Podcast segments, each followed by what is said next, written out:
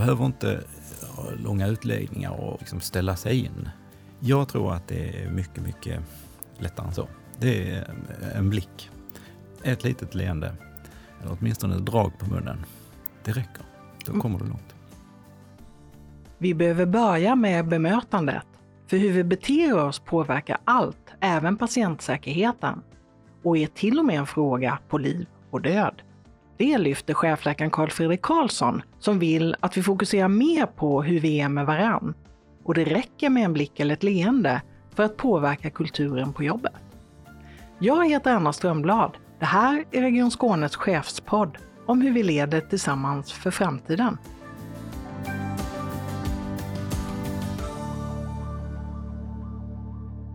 Hej Carl Fredrik!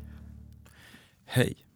Varmt välkommen hit till Dockplatsen i Malmö och vår studio där vi spelar in Chefspodden. Det är så roligt och ska bli så spännande att få prata med dig idag, tycker jag. Ja, du är ju ortoped och chefläkare för sjukhusen i nordvästra Skåne, Helsingborgs lasarett och Ängelholm, Ängelholms sjukhus. Och jag vet att ditt hjärta bultar lite extra för bemötandefrågor. Det har du helt rätt i. Mm. Eh, och tack för att jag fick komma. Eh, en solig och vacker dag har vi. Det var en fantastisk resa hit ner. Eh, och ja, det stämmer. Jag är um, intresserad av de frågorna som du nämner här. Um, bemötande. Mm. Det uh, har satt spår i mig uh, från lång tid tillbaka och jag tycker det är, jag tror alla vi tycker det, det är viktigt. Jag tänkte innan vi kommer in lite mer på det så eh, tänkte jag eh, att vi skulle bara berätta just vem du är. Du har ju varit chef själv under åtta år vid ortopedkliniken i Nordväst. Hur hamnade du i den rollen? Ja, det var en bra fråga. Det är ju lite slumpmässigt, men om vi tänker så här att om man jobbar i branschen ett tag så eh, kommer man snabbt på att ja, men det finns ju andra delar av den.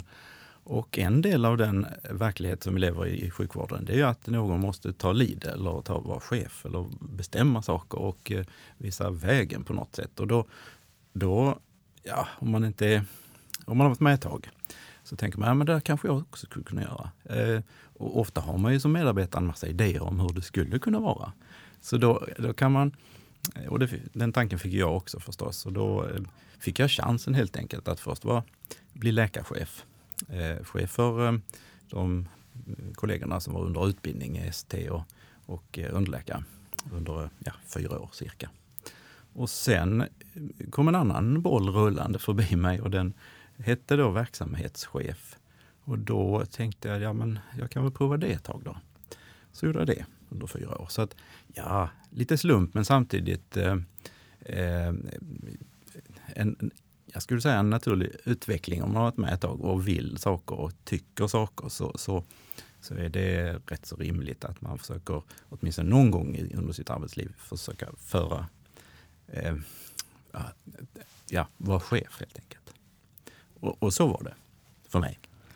Och nu är du nu chefläkare för sjukhusen i Nordväst och har ju fortfarande en titel som innehåller ordet chef, men som egentligen inte innebär att du har ansvar i den strikta och vad ska man säga, chefsmässiga bemärkelsen med medarbetare. Men det är ändå en ledande position. Hur ser du på det?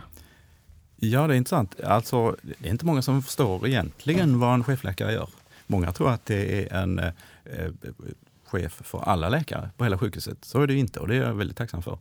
Och en del tror att jag är chefens egen läkare, och alltså en livmedikus. Det är jag absolut inte heller.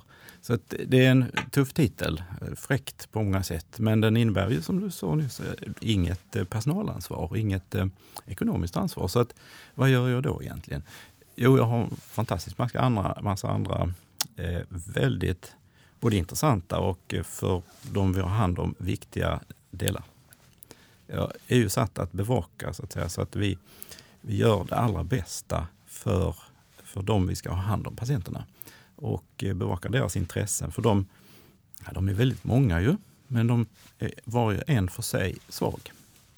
De har eh, sjukdomar, de har skador, de har eh, bekymmer på alla möjliga sätt. Och I och med det så är de ju kan man säga, i underläge omedelbart. Eh, medan vi är i överläge, vi som jobbar i branschen. Och då är jag där tillsammans med mina kollegor i patientsäkerhetsorganisationen men som chefläkare eh, satt att, så att säga, balansera det där maktförhållandet lite grann. Eller inte bara lite grann, utan det är, det är det jag måste göra. Företräda patienterna. Den rollen har vi alla. Alla som jobbar i sjukvården, vi är patienternas företrädare. Men jag eh, är med och balanserar där och ser till att det blir bra. Och vi vet ju dessutom att det inte går bra ibland. Det går fel helt enkelt. Vi är människor. Vi handlar och vi handhar människor och då blir det ibland fel. Och det är min uppgift att eh, tillsammans med mina kollegor så att säga se till att vi lär oss av det. Och det är något av det svåraste faktiskt. Att, att få organisationen, alltså bygget, hela individen som heter sjukvården, att komma ihåg när det gick fel och på vilket sätt det gick fel och hur vi ska göra för att det inte ska hända igen. Så det var en lång förklaring vad en chefläkare gör. Men... En slags livmedikus för patientsäkerheten? Ja men precis, så kan man. tack. Det var bra. Det ska jag lägga på minnet. Men så är det. Vi, eh, vi är företräder patienterna på det viset, ja. Så är det. sen säger du när, när, när, du har jobbat som ortoped att, att du har mött eh, människor som, där du känner att, att det inte ja, bemötandet har inte varit eh, så bra. Va, vad är ett gott bemötande för dig? Ja, för mig är det väldigt enkelt. Eh, tycker jag. Eh, det är att eh, eh, när man möts, för det gör vi hela tiden, eh, så ett enkelt sätt är att titta någon i ögonen och ha en, eh, en attityd eh, som innebär att ja, men jag är lite nyfiken på det ändå. Ja, vi har setts eh, hundra gånger förut, men jag är ändå lite nyfiken.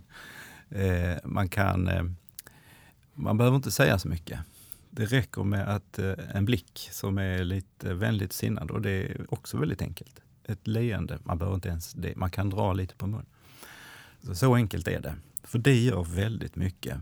Det lilla. Man behöver inte ha långa utläggningar och, och, och ja, prata en väldig massa och, och eh, försöka eh, lägga på eh, saker för att liksom ställa sig in och, och verkligen överarbeta det. Jag tror att det är mycket, mycket lättare än så. Det är en blick, ett litet leende eller åtminstone ett drag på munnen. Det räcker. Då mm. kommer du långt. Var, varför är det så viktigt? Jo, det är viktigt därför att eh, det gör någonting med människan. Jag backar till det jag var med om och har varit med om. Det, det blir en känsla och en känsla sitter kvar länge. Den präglar eh, personen länge. Och i min nu, nuvarande funktion så är jag chefläkare. Eh, jag vet, och det, det, det, finns oerhört mycket skrivet kring detta, jag vet att det påverkar tredje man. Och tredje man i vårt fall i sjukvården, det är ju patienterna. Och det är de som verkligen inte behöver det här också, att det går dåligt för dem. De har nog med att de är sjuka, de har nog med att de är skadade och halta och lite och allt vad det kan vara. Det räcker med det. De ska inte också få känslan av att oj, de är inte sams här och eh, jag är inte riktigt välkommen. Det ska de inte också ha. Sen, eh, ja, som person så är det klart att eh, utanför sjukvården så gör det någonting med dig och omedelbart då de som står dig nära. Och det, om jag är på arbetsplatsen så är det mina arbetskamrater förstås. Så om jag inte blir bemött eller bemöter andra på ett schysst sätt så är det klart att det gör någonting med hela gruppen. Och det är så hemma i familjen också förstås. Det, det är egentligen ingen skillnad. Ja, du skulle säga att det är lika viktigt överallt? Ja, det skulle jag absolut säga. Absolut. Vad får det för konsekvenser om man, om man inte har ett bra bemötande mellan varandra på jobbet? Ja, det finns exempel på väldigt mycket eh, olika konsekvenser. Men, men det, det man, om man tittar på litteraturen kring detta, det står väldigt mycket skrivet kring min värld. Min värld är den gröna, ibland blåa, det vill säga operationsvärlden och hur operativa team fungerar. Då kan man säga till exempel att eh, ja, postoperativa infektioner är faktiskt lite vanligare i de sammanhang där man har en Eh, ska säga, ohövlig, oskön stämning på operationssalen. Och i postoperativt finns det faktiskt belagt att det, det kan gå. Och risken för att det går lite sämre är större. men det gäller, inte, det gäller också utanför den, den eh, gröna eller blåa världen, operationsvärlden. Så att eh, ett vårdlag på en slutenvårdsavdelning till exempel, det, jobbar vi också i team, små grupper. En sköterska, en undersköterska.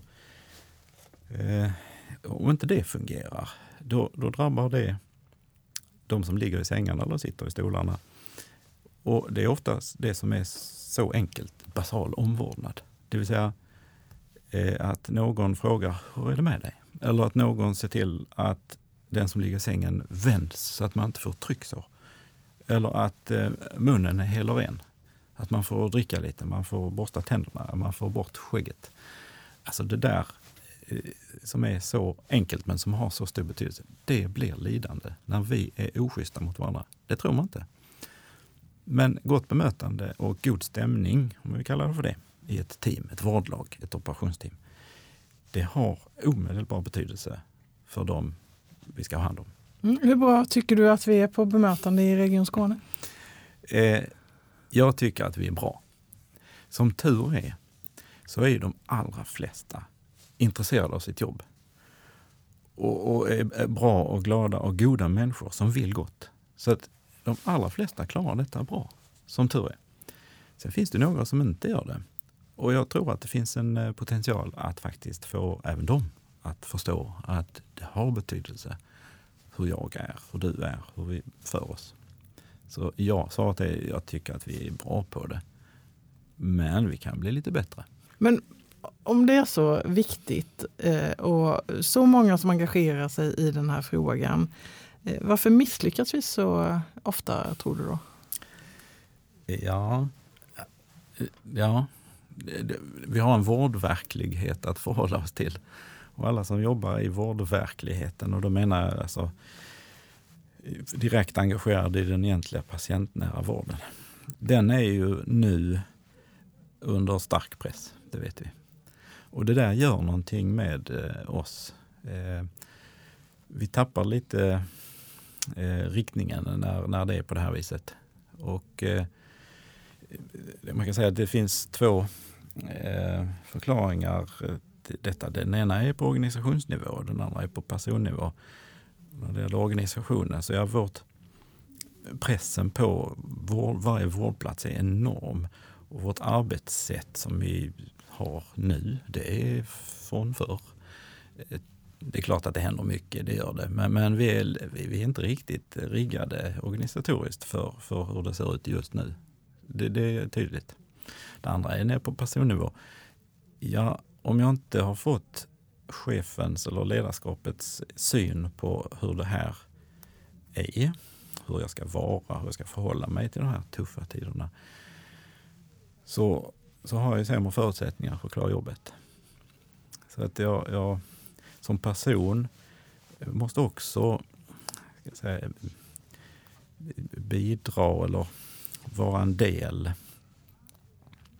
i lösningen av det här ganska tuffa eh, scenariot som vi nu är inne i. Så ja, Det finns många delar i detta som gör att vi har det jätte, jättetufft just nu. Och att det, det, det gör någonting med till exempel bemötandet vi orkar liksom inte med det också. Trots att det är egentligen där vi skulle börja. För det är då det händer någonting. Och att det har betydelse för, för den trygga och säkra vården. Du tycker vi ska börja i andra änden? Börja ja, med jag, bemötandet? Ja, faktiskt. Varför inte? Jag tror det skulle ha stor betydelse. Jag tror det har stor betydelse för det är lätt för mig att sitta och säga att nej, men bara vi ändrar, är lite schyssta mot varandra och är goda personer, ja, så kommer alla vårdplatserna att bli dubbla. Och så kommer ingen att ha, all, ingen kommer att skadas. Så är det ju inte. Men jag tror ändå det har, det har så pass stor betydelse att vi kan inte glömma bort det. Vi kan inte sortera bort vårt uppträdande, vårt bemötande, hur vi är. Med hänvisning till att nej, det är så jobbigt nu. Vi har så mycket för oss. Det, det, det är så tufft nu jag tycker att man borde ändra lite inställning och faktiskt vända lite mer på det. Och när du säger man borde ändra ja. inställning, vem tänker du ska ändra inställning? Ja, det, alla, det gäller oss alla. Självklart är det så här att eh, någonstans börjar ju detta. Om man är på en arbetsplats så är det någon som eh, måste sätta tonen. Eller någon slash några. Och här kommer ledarskapet in, och chefskapet. Om jag som chef eller ledare inte tycker att det är viktigt så blir det heller inte en eh, punkt på dagordningen och det blir inte eh, den kultur som jag tror vi måste odla. Så att det börjar någonstans med att eh, de som sätter tonen, och de kan vara det är lite olika personer. Ibland är det en chef, ibland är det en informell ledare. Eh, men det måste finnas ett engagemang för den här frågan.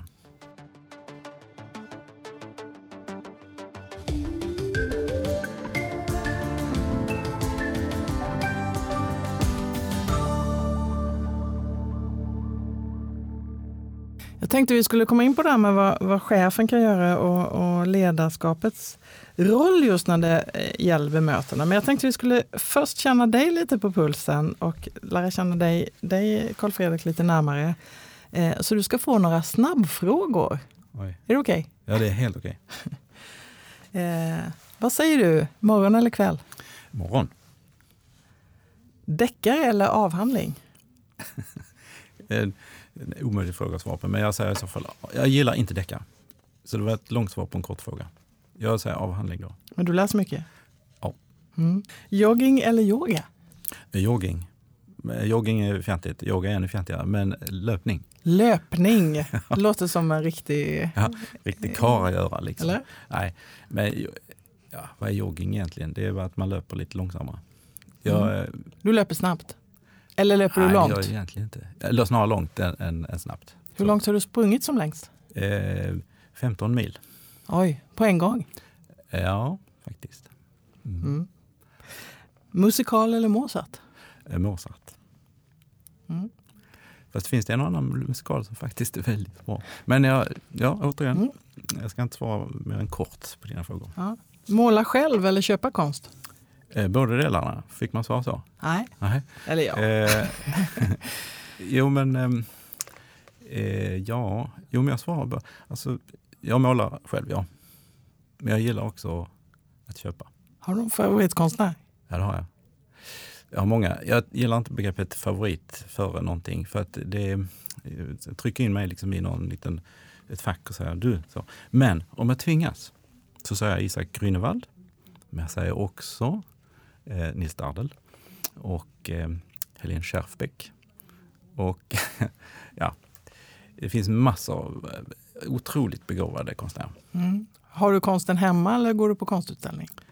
Eh, det är båda delarna. Jag har, eh, jag har den gärna omkring mig. Mm. Fredagstacos eller ostron? Åh, intressant. Jag har ett svar. Jag har ett kort svar. Ostron. Ja, jag har hört att du köper ostron varje fredag, stämmer det? Oj, Ja, vad, vad heter din uppgiftslämnare? ja, jo, jag är lite nördig på det viset. Jag har en ostronlangare som jag passerar eh, om jag har möjlighet en gång i veckan. Det kan ju verka jätteposh och fint. Låter men... som en väldigt speciell person i ditt liv. Ja. En ostronlangare. Ja, precis. Jo, ja, en, en provider heter det på finspråk, eh, som förser mig med varor. Eh, nej, eh, alltså det här med ostron, det, är ju liksom, det, har fått, eh, det har en klang av att det är liksom någonting som är väldigt, väldigt eh, fint och eh, superdyrt. Det är det verkligen inte. Och det är verkligen inte fint. Men det är kanske lite speciellt, men det gör någonting med människan. Det är hav, det är tång. Blunda och ta ett ostron så kommer du uppleva väldigt mycket. Du har också ett långt svar på en kort fråga. Det är kanske bästa fredagstipset? Ja, sen är det ju inget fel med tacos. Eh, verkligen inte. Eh, till och med jag kan sitta och tanka i mig eh, tacos. Men det är inte det jag gör helst. Men det är verkligen inget fel i det. Och du har en person som väntar på dig varje fredag med ostron då? Ja, ungefär så kan man säga. Ja. Som lägger undan till mig. Och ehm, jag har en stående beställning på sex stycken ostron från Marennes. De största utmaningarna och, och, den omställningen som behöver göras, som vår regiondirektör Lars-Åke Rudin pratar om, är att vi måste arbeta just för, för tillgänglighet och kompetensförsörjning och ekonomi. Eh, skulle du kunna, kunna gå upp till honom och säga om du satsade på gospelmötande så skulle, skulle du kunna komma längre i de här frågorna? Eh, ja. Är det så enkelt? Nej, ja, ja det, är så, det är enkelt att säga det. Det är väldigt enkelt att kliva upp till Lars-Åke Rudin och säga det här tycker jag är viktigt. Men eh, riktigt så enkelt är det ju förstås inte. Vi, vi, vi lever i en rätt så komplex värld och den världen är sjukhusvärlden. Den andra världen är också rätt komplex. Men, eh, så bara för att jag säger att vara lite schyssta mot varandra och vara lite hövliga så, så händer inte saker i, imorgon eller nästa vecka. Men om vi backar till det vi sa nyss. Att eh, om vi försöker lite mer och tänker lite mer i de här banorna och som chefer och ledare inser att det faktiskt har betydelse för bemanningen så kommer det hända någonting. Bygger vi eh, starka och trygga team, vårdlag, operationsteam, vad du vill, så kommer vi att behålla dem som eh, är där. De kommer att tycka att det här var roligt ställe att vara på, här vill jag vara. Och sen kommer vi också attrahera andra. Och det är det vi har problem med. Vi har verkligen problem med att behålla de som vi behöver. Vi har ännu större problem tror jag med att eh, hitta nya. Och bara det gör ju att eh, det finns anledning att tänka åtminstone lite mer på detta. Eh, och kanske kliva upp till oss och, eh, och säga, du, jag tror att det här är viktigt. Nu tror jag att det är många som har tänkt det här före mig, så jag är inte unik på något sätt. Och om jag skulle gå upp till honom så skulle det inte ha någon större betydelse. Men att sprida budskapet om att det här, det är någonting som vi behöver göra och ni som redan gör det, fortsätt göra det. Och, och sprid era erfarenheter av hur man gör det.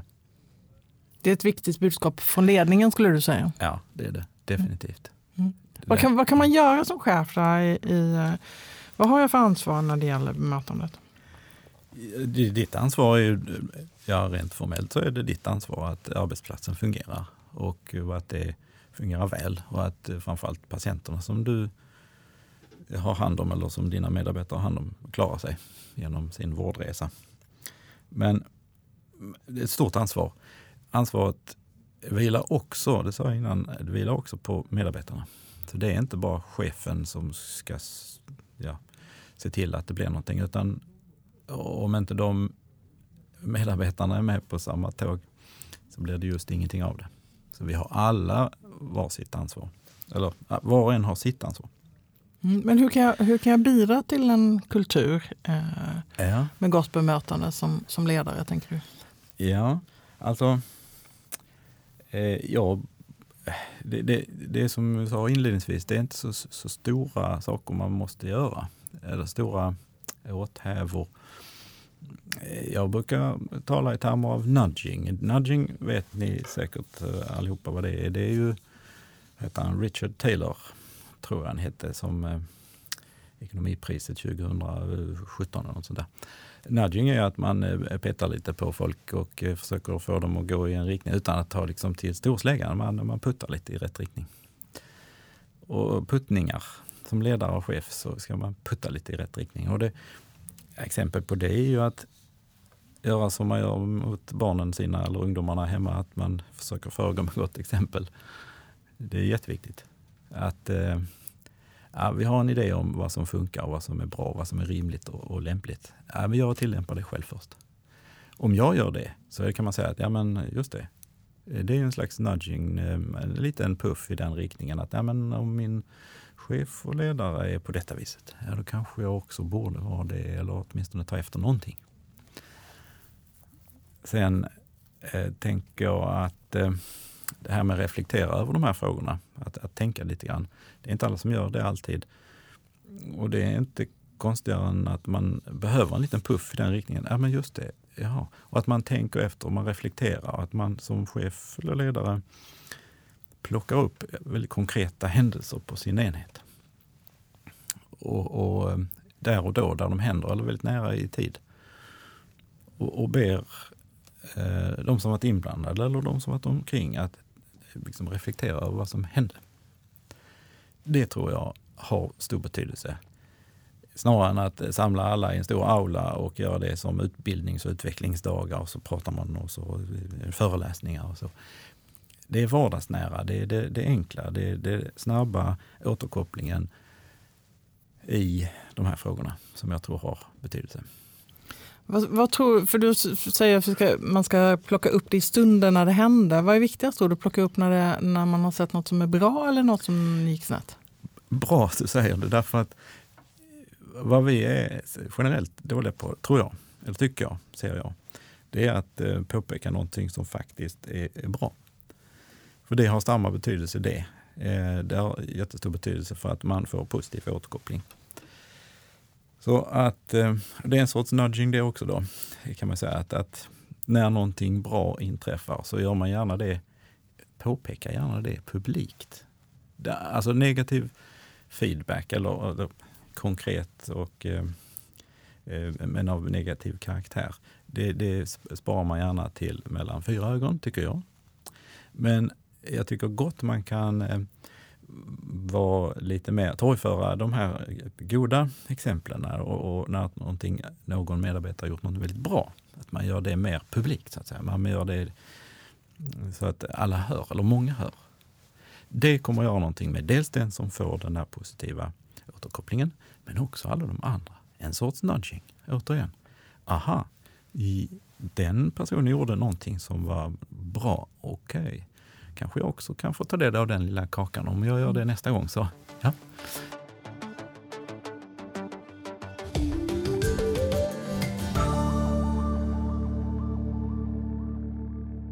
Men det kan ju låta kanske banalt för en del att man ska säga hej i hissen eller bjuda med någon på fikat. Finns det en risk att, att frågorna känns för banala eller flummiga tror du? Ja, det tror jag säkert en och annan kan tycka. Men då tänker jag så här, ja, vi tar två, en konkret och en lite abstrakt eh, historia. Den konkreta är ju att eh, du har en nyanställd eh, kollega mm, på en avdelning där man har till exempel droppräknare. Det vet ni alla vad det är. Det är en mojäng som ger rätt mängd medicin i armen och det är ju viktigt att det blir rätt. Om en ny medarbetare eh, står och känner sig lite otrygg där i den situationen. Hur ska jag nu ställa in den här mojängen så att det blir rätt verkligen? Så att det blir bra för patienten. Om den personen som är nyanställd inte vågar ta hjälp därför att det är en oskön stämning, det är ohövlighet och det, man känner sig inte riktigt trygg i det där. Jag vågar inte riktigt fråga. För om jag frågar så får jag liksom en blick tillbaka. Ah, det där ska du kunna. Tänk dig den situationen. Om den personen då ändå inte vågar fråga utan chansar lite grann. Vad händer då? Då kan det gå riktigt, riktigt illa för den som eh, ska ta emot den där medicinen eh, så att det faktiskt blir riktigt, riktigt dåligt. Det är en väldigt konkret eh, situation och ett väldigt konkret exempel på att det här, det är inga småpotatis och, och, och, småpotatis och det är inte banalt. Det andra är ju att, om man säger lite mindre eh, konkret och mer abstrakt, det här jag talar om att vi, det är en maktbalans mellan oss som går i en säker och trygg miljö. Vi vet exakt hur allting ser ut. Vi har all information, vi jobbar här och vi klarar allt. Och så ska vi ta emot patienterna som är precis tvärtom. De är otrygga och eh, osäkra och har sjukdomar dessutom och skador och så som de vill ha hjälp med. Alltså, det är inte banalt. Vi måste helt enkelt bemöta dem med ja, respekt förstås, men med eh, hjärtlighet och värme och ett ödmjukt sätt. Men vi måste också bemöta varandra för att kunna ta hand om dem som jag nyss nämnde. Så att det är inte banalt. Det är, tänker man vidare lite grann på detta så, så, så inser man mycket snabbt att det är just det. Ja, just det, det är det det handlar om. För det är väldigt nära vården och vårdens verklighet och inte en sån härlig flum-flum, fluff-fluff-fråga eh, som man kan driva som chefläkare och dricka kaffe och åka till dockplatsen och, och snacka om det. Utan det är väldigt nära. Det har stor betydelse omedelbart för dem vi har hand om. Hur tänker du kring koppling mellan bemötande och värderingar? Vi har värder gemensamma värderingar i Region Skåne. Välkomnande, drivande, omtanke och respekt eh, brukar vi prata om i Region Skåne. Hur, hur ser du på det? Ja, det, vi har ju det med där. Det jag pratar om det är ju välkomnande, ödmjukhet och välkomnande respekt för oss. Vad, Eh, vad tänker du om värderingar? Är det, är det, Ja, alltså jag, har vi någon nytta av det? ja, det, ja, absolut. Ja, det har vi. Jag är, måste jag villigt erkänna att jag har hånat de där eh, värdegrundsorden och det grövsta under min tid som chef. Inte längre, men jag har gjort det. Jag tyckte det var jättefjantigt. Och ja, ja, det är någon som har hittat på det där och de säger ingenting. Men det är ju, ja, man kan tycka vad man vill om, om orden som sådana, men de, de säger ju någonting trots allt. Vad var det som fick dig att tänka på ett nytt sätt? Ja, jag kom väl på andra tankar. Eh, jag, jag blev äldre och mognare och började förstå att det faktiskt finns. Nej, men jag tittade och läste och funderade på dem och sen eh, använde jag mig faktiskt av i en, eh, ja, jag säga, en situation eller konflikt eller ett par stycken eh, under min tid som chef. Eh, när någon faktiskt inte var välkomnande. För alla har vi som har eh, en anställning i Region Skåne skrivit under på att vi ska leva efter de här eh, värdegrunden. Alltså vi, vi ska göra detta. Och då kan jag ju, om jag vill, eh, backa som chef och säga, nej men det här du gjorde, var det, tycker du det var välkomnande?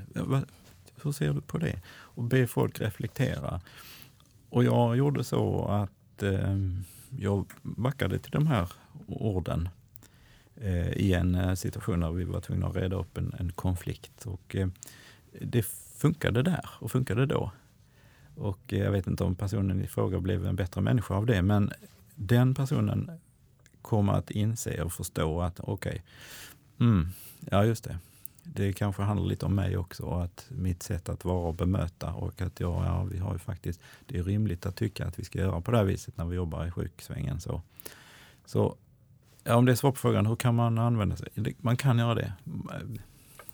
Det- Våra, vår värdegrund, den är användbar. Så jag har slutat håna den kan man säga. Jag använder den snarare. Och, och det finns ju med, alltså i detta jag pratar om nu, av bemötande och så. Det, det är precis det. Vi ska vara välkomnande. Det är viktigt i vår bransch.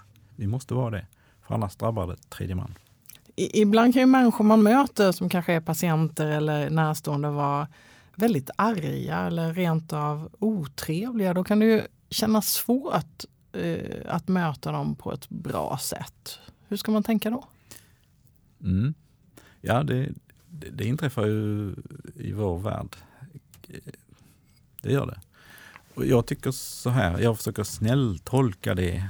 Eh, jag tycker vi borde göra det. Därför att om du vänder på det, varför är den här människan så upprörd, så frustrerad, så arg på mig eller oss?